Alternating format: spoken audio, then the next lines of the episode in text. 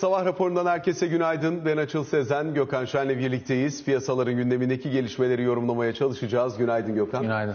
Piyasalar açısından Merkez Bankası haftası demiştik dün de. Bugün de yine benzer şekilde onun öncesindeki fiyatlamalar devam ediyor. Asya piyasalarına baktığımızda bir miktar geri çekilme söz konusu. Özellikle Hong Kong tarafı biraz daha belirgin. Dün Amerikan endekslerinde de %1'ler civarında geri çekilme yaşandı.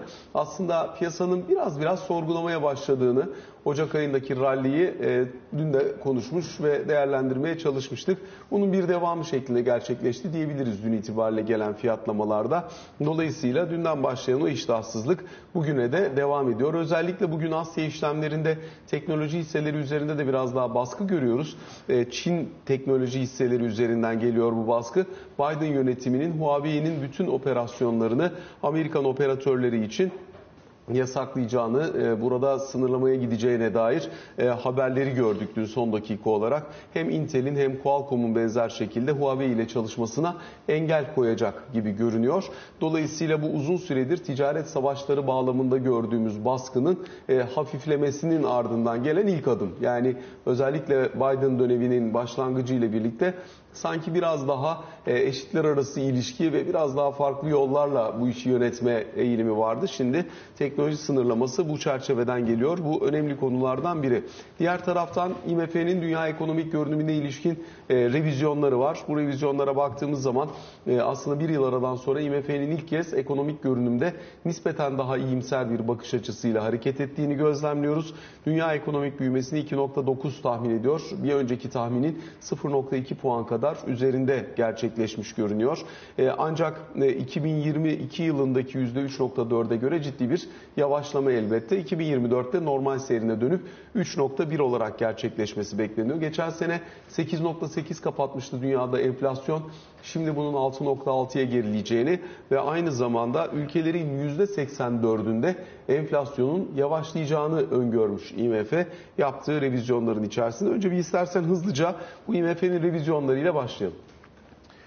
Yani IMF revizyonlarında herkesin konuştuğu şeyler var herhalde. E, havalar iyi gidince, e, dolayısıyla da Avrupa'nın depoları, LNG depoları e, dolu olunca bu sıvılaştırılmış doğalgaza güvenerek Avrupa'da enerji piyasalarına bir kesintiye gitmedi.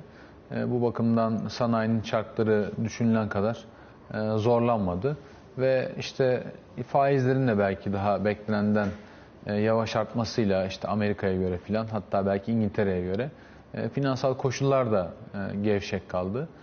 Turizm sezonu fena değildi. Yani bunları alt alta yazdığın zaman tabii devlet de çok destekledi enerji krizinden oluşan faturaları pek çok Avrupa ülkesinde kamunun desteklediğini vatandaşın vergileriyle. Dolayısıyla da harcanabilir gelirin korkulandan daha az azaldığını hane halkında. Dolayısıyla işletmelerdeki durumu artı hane halkındaki durumu alt alta yazdığında da e, ekonomilerin daha iyi büyüdüğünü ama yani pür bir e, enerji oyunu olduğunu söyleyebilirim. Yani enerjide korkulan senaryo olmayınca e, ekonomiler daha e, az daraldı. Hatta hem IMF raporunda hem de ülkelerin belki kendi resmi tahminlerinde Avrupa'da daralması beklenen majör bir ekonomi yok. Yani en sıkıntılısı Almanya 0.1 gibi e, bir artış öngörülüyor bu sene milli hasılasında. Fransa'ya, İtalyalara doğru filan gittiğinde e, daha da iyi toparlanmalar olacağı varsayılıyor. E, tek sorunlu ülke artık Avrupa'nın içerisinde olmayan ama yani lokasyonu itibariyle Avrupa'ya komşu olan tabii İngiltere. Oradaki sıkıntının iki sene boyunca sürmesi. 2024 yılında küçük bir toparlanmanın elde edilmesi ama bu sene %1'e yakın neredeyse e, bir daralma e, olması öngörülüyor. Orada işler sıkıntılı. Onun haricinde büyük bir problem yok. Yani IMF'in raporu bence buna dayanıyor. E, tabii içindeki açılmanın da verdiği moral her ne kadar tam olarak e, ne kadar randımanlı şekilde hangi ayda e, tam olarak Çin ekonomisinin hayata döneceğini bilmemekle birlikte bunu bir süreç olarak tahmin ediyor ekonomistler. İşte bu çeyrekte başlayacak, ikinci çeyrekte hızlanacak ve artık üçüncü, dördüncü çeyrekte de e, en üst noktasına çıkmış olacak bir Çin büyümesi e, öngörüleri var. Geçen sene yani 2022 yılında Çin'in işte sıfır e, vakaya bağlı politikasında, Covid politikasından ötürü ekonomide yani çok minik bir e, artış görmüştük milli hasılada. İşte 2 puanlar civarı olduğu e, söylenebilir. Belki geriye doğru revizyon falan gelmezse. Ve bu sene 5,5-6'lara yaslanacak. E, bunların her biri tabii e, moral veriyor. Amerika'da da resesyonun korkulan kadar e, olmayışı, dün zaten bir parça özellikle istihdam piyasasındaki sebeplerinden e, bahsetmiştik ve finansal koşulların normal şartlarda Fed'le kavga etmem ben diyen piyasanın Fed'de devamlı olarak didişmesi kaynaklı finansal koşulları çok gevşek tutmasıyla orada da e, problemler yok. E, dolayısıyla yani alt alta yazdığında e, IMF'in işte Ekim ayındaki tahminiyle şimdi Ocak sonu itibariyle tahmin arasındaki pozitif sürprizin ya da yukarı yönlü revizyonların sebebi bu diye anlatılabilir. Peki şimdi ülke ülke bölge bölge baktığımızda da mesela Euro bölgesinde geçen sene 3,5'luk büyümenin üzerine şu anda 0.7'lik bir büyüme öngörüsü var. İngiltere dün de konuşmuştuk en kötü durumda olan diye İngiltere ekonomisi daralma bölgesinde beklenen majör ekonomiler arasında tek gibi görünüyor. E, diğer taraftan Çin ekonomisi geçen sene %3 ile kapatmıştı. Bu sene %5.2'ye dönmesi bekleniyor. En büyük revizyon Rusya'da. Dolayısıyla biraz önce konuştuğumuz gibi orada da eksi 2.2 geçen yılki daralmanın üzerine şimdi 0.3'lük bir büyüme beklentisi söz konusu. Yavaş yavaş kademe kademe Rusya'nın da kendi iç dinamikleri üzerinden büyümeyi sağlama stratejisi burada kendini göstermiş gibi duruyor. Şimdi Rusya'nın tabi durumu çok farklı. Ee, şu an Rusya tamamıyla sermaye hesabını, e, cari dengeyi yöneten, e, kurunun, e, para biriminin yani rublenin dünya üzerinde herhangi bir karşılığının kalmadığı tamamıyla içe kapanmış, Asya ile belli ticari bağları olan ve cari fazlası günden güne düşen bir ülke. Şu an ihraç malı olan, belki de tek ihraç malı olan petrolün diğerlerine kıyasla çok daha ucuz alınıp satıldığı e, yine bir ülke. Aynı zamanda Şubat ayı itibariyle tam olarak nasıl çalışacağını bilmemekle birlikte petrol türevi e, ürünlere de çeşitli e, tavanlar getirilerek yine yeni e, ticari kısıtlamalara da uğrayacak. O bakımdan ekonomisi sakat bırakılmış durumda. E, çok ciddi problem arz ediyor. Fakat Rusya ile ilgili söylenebilecek belki de en zekice şey e, orta ve uzun vadede Rusya'ya uygulanan yaptırımların acısının katlanarak artacağı yönünde. Yani Rusya'nın eksi yani daralmadan işte hafif de olsa büyümeye geçmesinin mutlaka bir anlamı var. Fakat Rusya'ya uygulanacak yaptırımların anlamı uzun vadede Rusya'nın risk profilini arttırması ve büyüme e, kısmını iyice aşağı baskılayacak olması. O bakımdan Rusların göreceği bu işte tek haneli onda birlik e, büyümeler muhtemelen uzun vadeli tahminleri de olacaktır ekonomistlerin. Yani Rusların en büyük sıkıntısı bu. Çünkü zaman içerisinde e, yüksek teknolojiden yoksun kalacaklar. E, pek çok işte yedek parça, servis, know-how vesaire işbirliği ne varsa bunlardan mahrum bırakılacaklar. Rusya'nın yani en büyük sıkıntısı bu uzun vadede baş edeceği. Az önce değindim belki konuşuruz. Çin'in de e, bu Amerika tarafından işte yaptırımlara tabi olmasındaki e, sebep de bu yani mantık da bu. E, hem teknoloji geliştirmesinler hem mevcut olan teknoloji diğerlerinin gerisinde kalsın hem de büyüme planları örselensin isteniyor. Rusya'nın da Rusya için bunun çok daha ağırları uygulanıyor. O bakımdan Rusya'nın nereye geldiğini bence başta Putin'in kaldığını e, varsayarak söylüyorum. İşte 2025-2027 yıllarında tekrar tekrar görüşmek lazım. Bence asıl sıkıntıyı geriye dönüp baktığımızda o zaman göreceğiz. Peki buradan gelişen ülkelerin geneline de baktığımız zaman %4 civarında bir büyüme beklentisi var 2023 yılı için ki aslında bu hemen hemen bütün beklentilerle paralel. Daha önceki tahminlerine göre de 0.3 puanlık bir revizyon olmuş. Bir kısmı Çin'den bir kısmı geri kalanından geliyor ama tabii Çin'deki açılma burada çok belirleyici olmuş gibi görünüyor. Bugün Çin'den gelen PMI verisi de aslında bunun e, göstergelerinden bir tanesi. İmalat PMI aynı yerde 50.1 çıkmış. E, fakat diğer taraftan özellikle hizmet PMI ayına baktığımız zaman 52 beklenirken 54.4'e gelmiş. Bir önceki veri 41.6. Dolayısıyla açılmanın Çin'de hayatı nasıl bir anda eskisine çevirdiğini çok net olarak gösteriyor bence. En önemli veri o. Haklısın. Ee, yani PMI'nin yani imalat tarafı zaten iyi. Yani 50'nin üzerinde kalması genişlediği anlamına geliyor. 50 bir sınır. Ee, tabii hizmetteki sıçrama da normal. Daha önce dünyanın pek çok farklı ülkesinde tedbirler kalktığında nasıl hizmet PMI'larının e, fırladığını görmüştük. Çünkü hizmet satın alma yöneticileri endeksi e, aslında tamamen mobiliteye e, bağlı. Yani birileri yaşamsal aktiviteyi sağlayacak kadar üretime gidiyorlar ama onun dışında kalan biraz daha işte gezmeye, tozmaya, tüketmeye bağlı işler tamamıyla bu hizmet PMI'nin altında sıralanıyor. O bakımdan da açılmayla birlikte bir patlama yapması normal kabul ediliyor. Tabii kısa vadede Çin için tek hikaye bu sıfır e, vaka politikasından vazgeçmiş olmaları. Şimdi yavaş yavaş Çin yeni yılının bitmesiyle birlikte de e, aktivitenin ne kadar normale döndüğünü izleyeceğiz. Bahar ayları geldikçe muhtemelen yani açık havada bulunma koşulları rahatladıkça insanların mobilitesi de muhtemelen daha fazla artacaktır. Tüketim de daha fazla artacaktır. O yüzden dedim ikinci ve üçüncü çeyrekte e, artık iyiden iyiye görmeye başlayacağız Çin açılmasının nimetlerini. Tüm dünya bunu yaşayacak. O bakımdan haberler iyi. Fakat tabii orta ve uzun vadeli sıkıntıları Çin ekonomisini sürüyor. Yani konut sektöründe balonun patlamış olması, Çin'in ekonomik modelinin biraz dışarıdan müdahaleyle, biraz kendi birikimleriyle artık belli bir şekilde duvara çarpmış olması, e, hizmet ekonomisine yani üretim ve işte planlama, e, kamu yatırımlarından hizmet, tüketim ve serbest piyasa ekonomisine geçişin sorunlarını yaşıyor. Çok yüksek borçluluklara sahip. E, nüfus anlamında çok büyük problemleri var. E, yani nüfusu uzun süre sonra ilk defa azaldı. İleri doğru demografik projeksiyonlara baktığında 50-60 yıl içerisinde 1 milyarın altına e, inmesi bekleniyor Çin nüfusunun. Dolayısıyla düşünüldüğü kadar da büyük bir süper güç yani kişi başı milli gelirle kişi sayısını çarptığında düşündüğün kadar büyük bir ekonomi haline de bir türlü geçemiyor ve devrede olan ciddi batı yaptırımları var. Aynı zamanda işte demokratik bir güç savaşı olarak bakacak olursan yani toplumun yönetilmesi, yönlendirilmesi gibi başlıklarda özel sektörle yani Alibaba ile ya da diğer teknoloji şirketleriyle veri ya da bir güç paylaşımı yapmaya hazır değil Çin Komünist Partisi. O bakımdan bu tip e, sosyolojik problemleri de var. E, bunlar bence çok baba problemler. E, çözülmesi de zor problemler. Bu toplum yapısı, bu siyasi yapıyla. O bakımdan e, hakikaten bambaşka bir laboratuvar olmaya devam edecek için öyle görüyorum ben yani. Hazır Çin'den bahsetmişken biraz önce programı açarken aktardığım Biden yönetiminin Huawei'ye getirmeyi planladığı sınırlamalar ve buna dair detayları da konuşalım. Şimdi özellikle Dünya Ekonomik Forumu sırasında e, mesela e, Hintlilerin ne kadar fazla e, katılım sergilediğini, dolayısıyla delegasyonlarının ne kadar güçlü olduğunu aktarmıştım.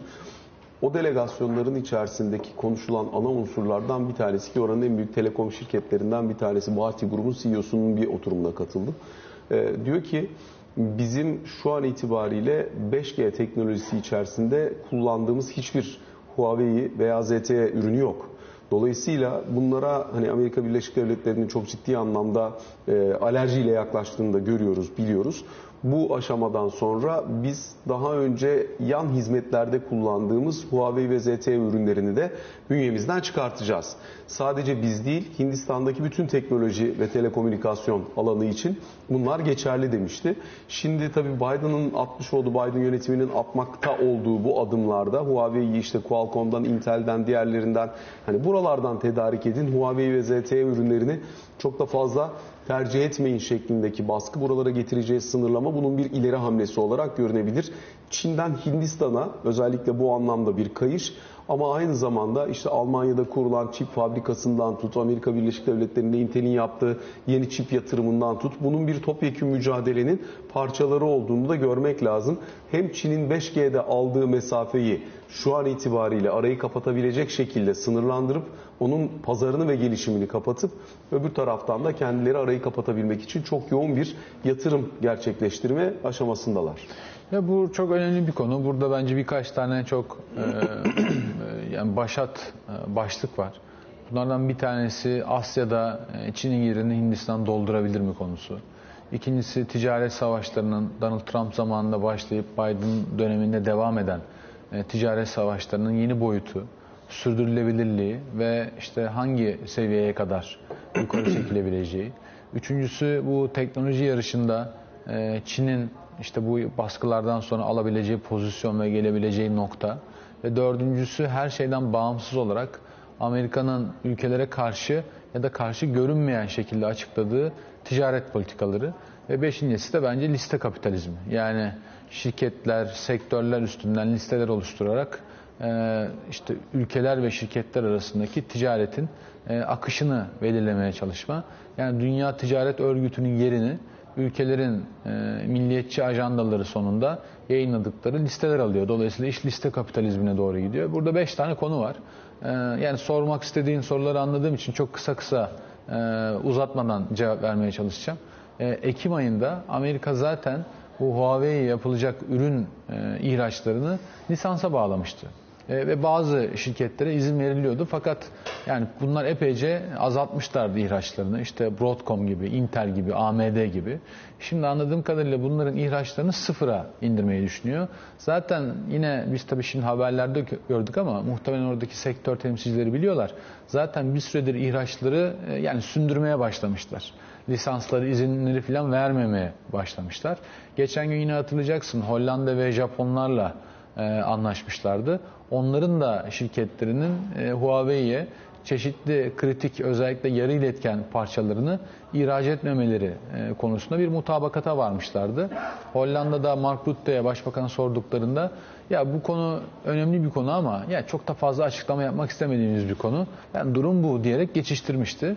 Burada amaç Huawei'nin geri kalmasını sağlamak. Dünyanın en büyük 5G teknolojileri şirketi. Hatırlayacaksın işte bu büyük şirketlerin e, gelişimine baktığında önce petrol şirketleri sonra teknoloji şirketleri filan diye gitmişti. Açıkçası ben sonraki 5 trilyon dolarlık şirketin hep Huawei olacağını düşünmüştüm bu zamana kadar. Ta ki, olacak gibi görünmüyor. Ta ki ticaret savaşlarına kadar şu an 100 milyar dolarlık e, bir şirket. Dünyada yaklaşık 3 milyon tane 5G e, şeyi var, baz istasyonu var.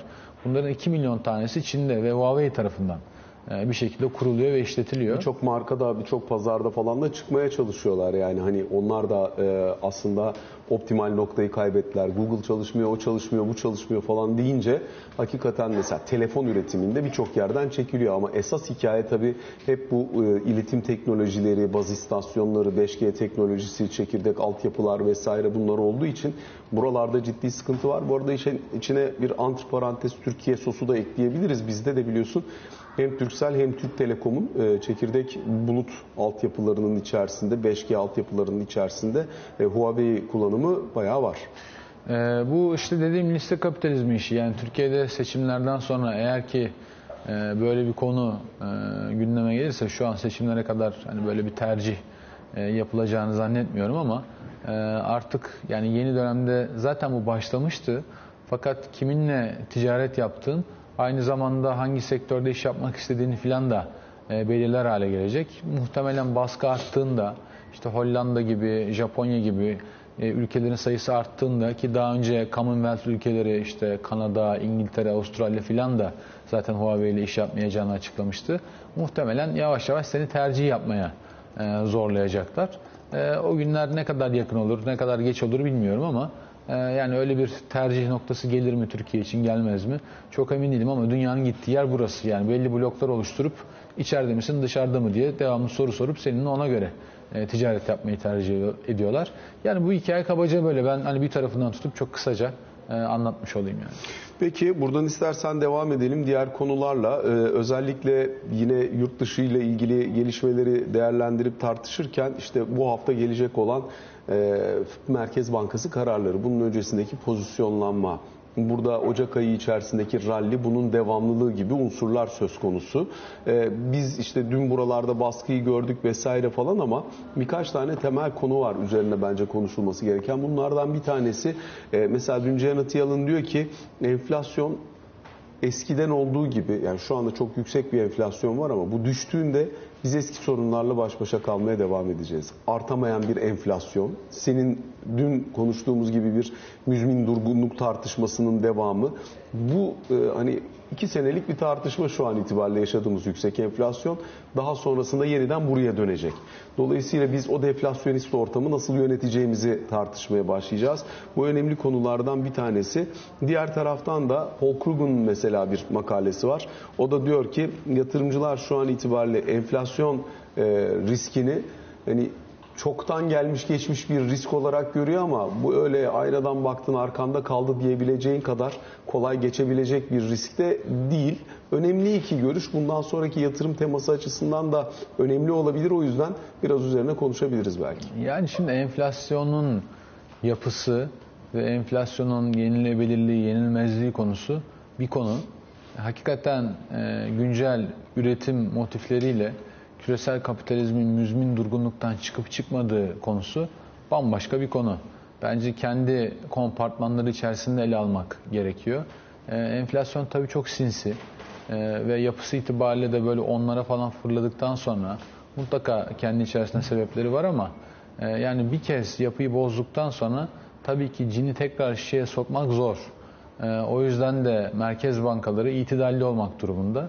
Merkez bankaları politika üretirken e, kamunun, kamuoyunun ve kendisiyle birlikte ortak politikalar üretebilecek işte ne bileyim mesela kamu maliyesinin ve işte özel regülasyonları derleyen kurumların da mutlaka yardımcı olması gerekiyor. Yani düşük enflasyon olmadan kalıcı istikrarlı büyüme olmayacağına herkes inanmışsa ve işte toplumun e, dağıtım modellerinin bozulacağına herkes bir kez e, iman etmişse sorun yok.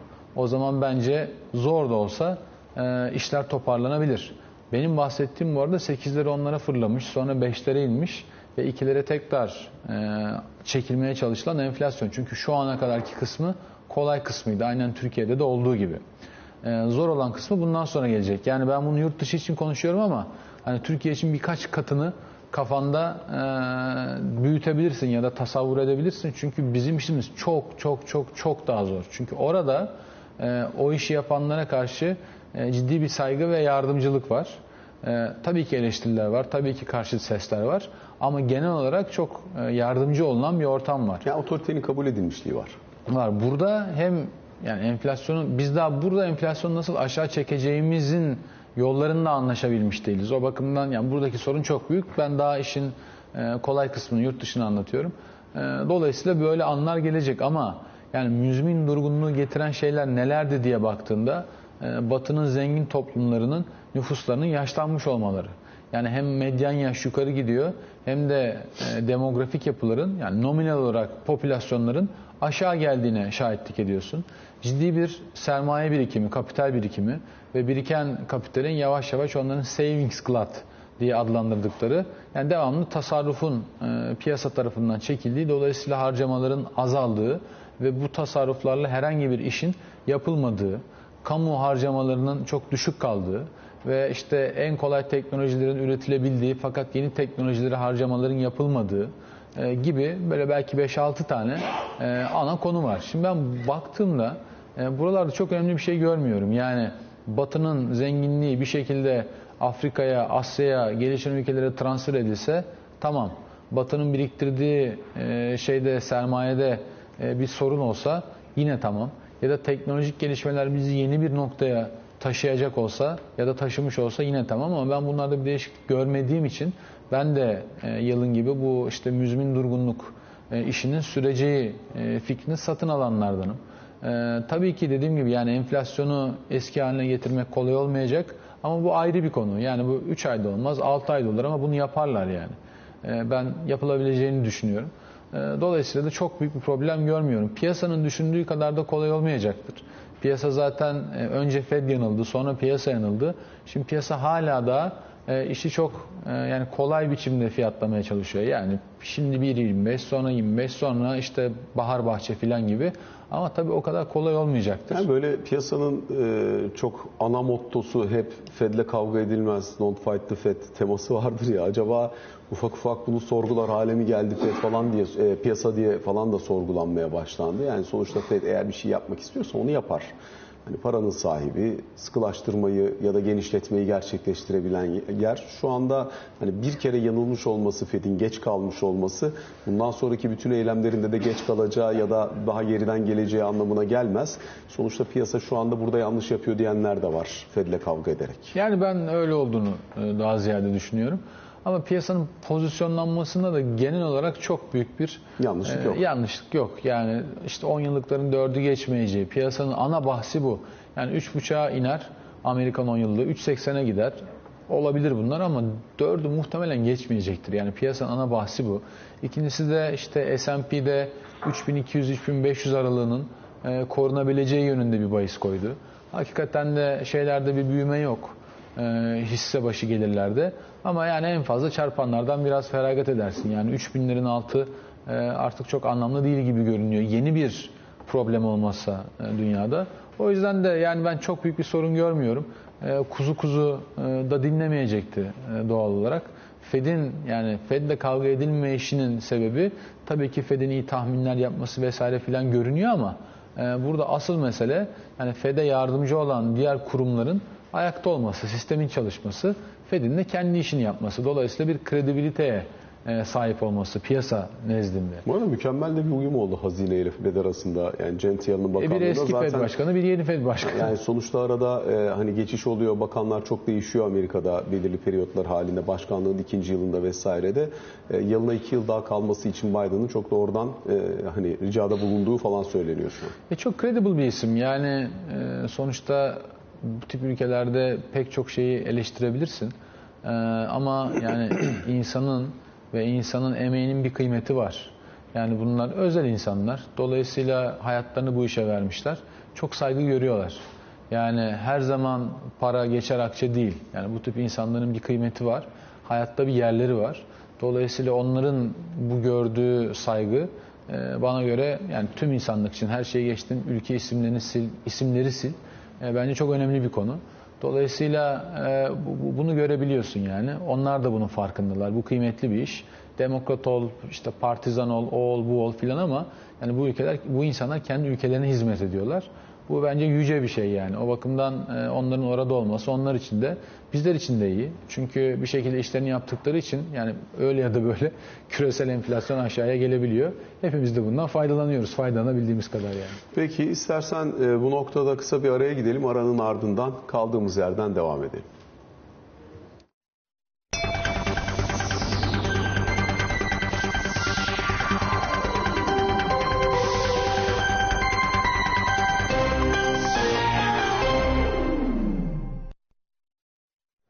Sabah raporunun ikinci bölümüyle karşınızdayız. Gökhan Şen'le sohbetimize kaldığımız yerden devam ediyoruz. Türk İş düzenli olarak açlık ve yoksulluk sınırı açıklaması yapıyor. Gıda enflasyonu ölçüyor, mutfak enflasyonu. Dolayısıyla böyle baktığımızda açlık ve yoksulluk sınırı araştırmasına göre e, 4 kişilik bir ailenin gıda için yapması gereken aylık har- e, asgari harcama tutarındaki artış %9. Böylelikle baktığımız zaman son 12 ayda %108,5 olmuş. Açlık sınırı 8864 liraya çıkmış. 8500 lira olan asgari ücreti ilk aydan geçti açlık sınırı diye görünüyor. Bu arada yoksulluk sınırı da e, yine 4 kişilik bir aile için 28875 lira olmuş. Evet tabii çok vurucu yerleri var. Yani e, kalıplar yeni değişti. Dolayısıyla yeni bir ölçüm metodu e, kullanıyorlar. Bu metotta asgari ücretin e, ilk aydan üstünde olması açlık sınırının e, tabii ki üzücü ama bu yani hep evvel ezel böyleydi yani. E, birinci problem bu. İkincisi tabii e, neyi nasıl ölçtüğüne bakıp da enflasyonda e, gıda fiyatlarını yani meyve sebzeyi daha doğrusu ben gördüm. Meyve sebzede müthiş bir artış var. E, bu müthiş e, artışa rağmen geçen sene diyelim ki 16 puan artmış meyve sebze. Şimdi 11 artmış. E, fiyatların yani enflasyonun düştüğünü görüyorsun. Fiyatlar artıyor ama bu da herhalde vatandaşın hani enflasyon fenomenini en iyi e, anlayabileceği şey yani enflasyon düştü düşecek diye konuşuyoruz ama fiyatlar düşmeyecek. Yani meyve sebzenin bir ayda 11 puan artması korkunç bir şey. Fakat geçen sene 16 artmış. Muhtemelen seriyi incelemedim ama demek ki 5 puanlık e, katkısı var sadece o kalemin. Yani onun ağırlığı neyse o kadar hesaplanıp e, enflasyon düştü diyebiliyoruz. Ama sen manava, pazara, işte ne bileyim bakkala gittiğinde markete aslında fiyatların arttığını görüyorsun. Bu da herhalde en iyi açıklayan fenomenlerden bir tanesi. E, tabii Türk İş Ankara fiyatlarını alıyor. Bir memur kenti daha ziyade. E, İTO mesela İstanbul fiyatlarını alıyor. E, bunların bulduğu değişimler özellikle son aylarda TÜİK verilerinin üzerinde e, kalabiliyor. Herhalde o açığın da bir şekilde e, kapanması lazım mantık açığının.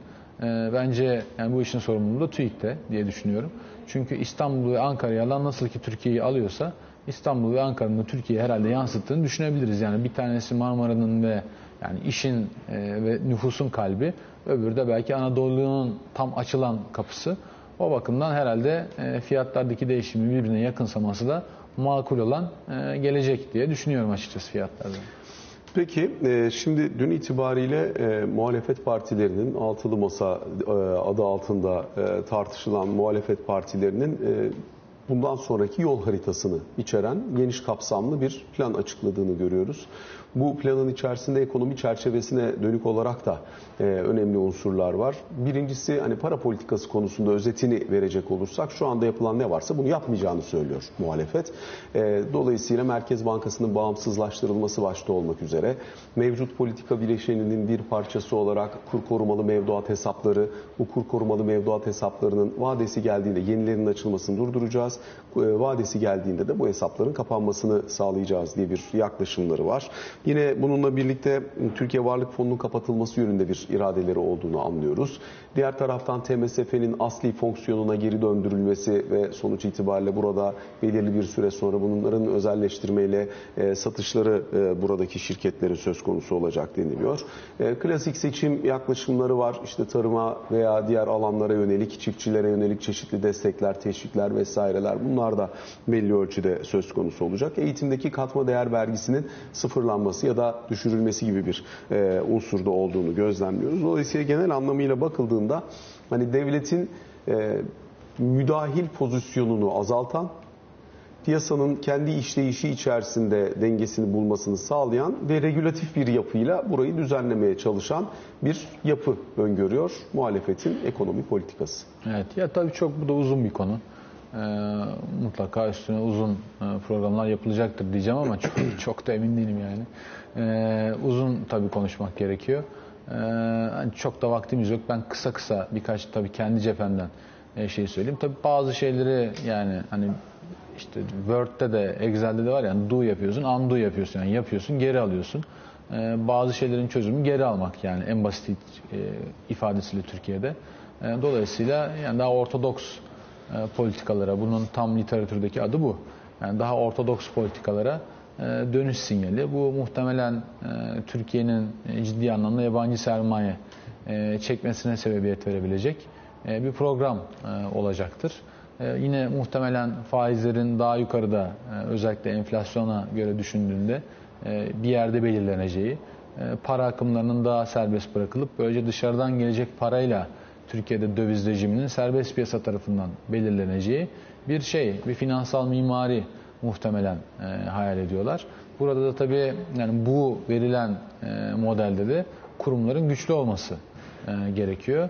Ticaretin e, daha serbestçe e, belirlenmesi gerekiyor. Bu zaten Türkiye'nin özellikle AK Parti'nin de e, geçmiş yani son 2018 öncesi uyguladığı politikalara açıkçası işaret ediyor. E, o yıllarda Türkiye'de büyüme yine 5'ler civarında. E, fakat enflasyon %8'ler e, etrafında dolaşır. Türkiye normal şartlarda her yıl doğrudan yabancı yatırım ve portföy akımları e, olarak para çeker. Bu Yaklaşık 80-100 milyar dolar arası para çeker. En yani fevkinin olduğu zamanlarda bunu yapardı.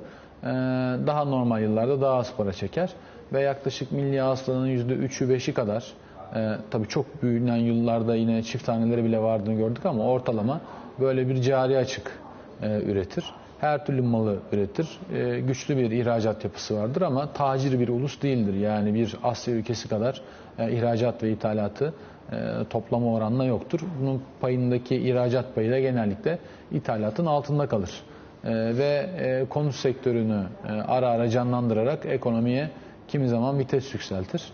E, böyle bir şeyi vardı. Yani Türkiye'nin yapısı vardı. Şimdi bunun belli bölümlerini bırakıp belli bölümlerini tekrar e, kuşanmak isteyen bir program olarak ben görüyorum. Bu tabii Türkiye'yi bence de yani daha ciddi bir dezenflasyon e, sürecine sokar. Özellikle dışarıdan gelecek parayla birlikte. Dolayısıyla bazı şeyleri düzeltir. Bence burada yani bu ilk e, niyetleri ve belki yapması en kolay e, olanları çünkü bunlar bence ağaçta asılan e, alçaktaki meyveler. Yani bunları hemen toplayabilirsin hakikaten de. Yani kurumlara bağımsızlığını ver, faizi doğru yerde belirle. Bazı yaptığın şeyleri yapma. O zaten kendi kendine hemen bir platoya gider. Yani ilk görüntü bu. Bence hani asıl zor kısmı, asıl tartışılması gereken şey şu. E, yani dünyada bir şeyler değişti, değişmedi değil. Dolayısıyla 2002, 2023 diye yani Adalet Kalkınma Partisi'nin geldiği gün bugün gün bugün diye baktığında e, dünya bir yerden bir yere gitti. Şimdi dolayısıyla bundan sonraki Türkiye'nin ekonomik programının özü ve Türkiye'nin ekonomik mantalitesi ne olacak bence onu tartışmak gerekiyor. E, çünkü dünyada çok ciddi bir e, enerji dönüşüm sancısı var. İkincisi az önce bahsettiğim liste kapitalizmi, serbest ticaret anlaşmalarıyla küreselleşmenin bölgeselleşmeye dönüşmesi, bloklar, kamplar oluşturarak e, ülkelerin bir tercihe zorlanması. Bu durumda Türkiye'nin ticaret politikası ve tercih edeceği yani bölgeleşme ne tarafa doğru olacak? Bir tarafa doğru mu olacak filan? Bunların cevaplanması gerekiyor. Bir de tabii Türkiye'nin sanayi ve sanayileşme e, politikasını da ciddi şekilde tartışmaya açmak lazım. Çünkü dediğim gibi 2002'de yani özelleştirme yap, kamuyu küçült, e, olabildiğince sermaye akımlarını serbest bırak ve büyüme sana gelsin gibi bir inanç vardı. Bu fena gitmedi.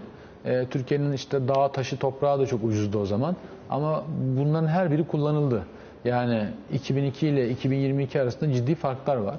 E, o bakımdan da yani buralarda hakikaten yanıtlanması gereken sorular var. Onlar programlarla yanıtlanası değil. Onu söyleyeyim. Yani herhangi bir parti için, herhangi bir blok için. Bunlar çok e, majör tercihler yani. Oralarda ne olacağına bakmak lazım. Yoksa tarımda filan da atılacak çok kolay adımlar var.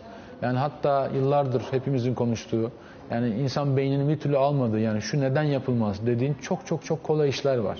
Yani bu, bunlar muhtemelen zaten bir süre Türkiye rahatlıkla idare edecektir. Yani, yani tarımda o kadar kolay ki yapılacak şeyler, ilk adımlar ama bir türlü atılamıyor. Burada muhtemelen e, yıllar içerisinde birikmiş kemik yapılar oluşmuş durumda ve reform yapılamıyor. İşte personelden ötürü, işte köşe başlarını tutanlardan ötürü vesaire filan. Ama dediğim gibi yani bir adım sonrası ana politikaların belirleneceği yer bence düğümün kopacağı yer olacaktır. Ee, Güncel sorunlar o kadar büyük ki daha uzun erimli senin söylediğin dünyanın gittiği yer, Türkiye'nin oraya adaptasyonu, durduğu yer, enerji dönüşümünde yapacağı işler, tarım politikasında arz güvenliğini sağlayabileceği alanlar falan buralara gelinemiyor gördüğüm kadarıyla. Ee, sonuçta hani 3 ay sonra seçim var. Ee, burada güncel olan ne varsa beyannameler de bunun üzerinden geliyor. Yani bunlar, eminim hükümetinki de böyle gelecek. Tabii ya bunlar öyle konular ki e, yani altılı masa e, iktidara gelse bir süre sonra kendi içerisinde de doğal olarak e, mutabakat sağlayamayacağı, belki ayrışmanın geleceği konular. E, mevcut iktidar devam etse de e, gözünü de kapatsa yani karar alması gerekecek mecburi konular. Yoksa hani KKM ile falan ya da işte Merkez Bankası'nın devamlı tebliğlerle e, Ankara'ya taşıdın, İstanbul'a getirdin, İstanbul'dan tekrar Ankara'ya yani götürdün. Dövizi yöneteceği bir Türkiye yani 85 milyonluk dünya üzerinde bir ağırlığı olan bir Türkiye düşünülemez yani. O yüzden bunlar zaten herkesin mecburen karşılaşacağı şeyler, sorunlar yani. Teşekkür ediyoruz Gökhan. Böylelikle sabah raporuna bugün için son noktayı koymuş oluyoruz. Hoşçakalın.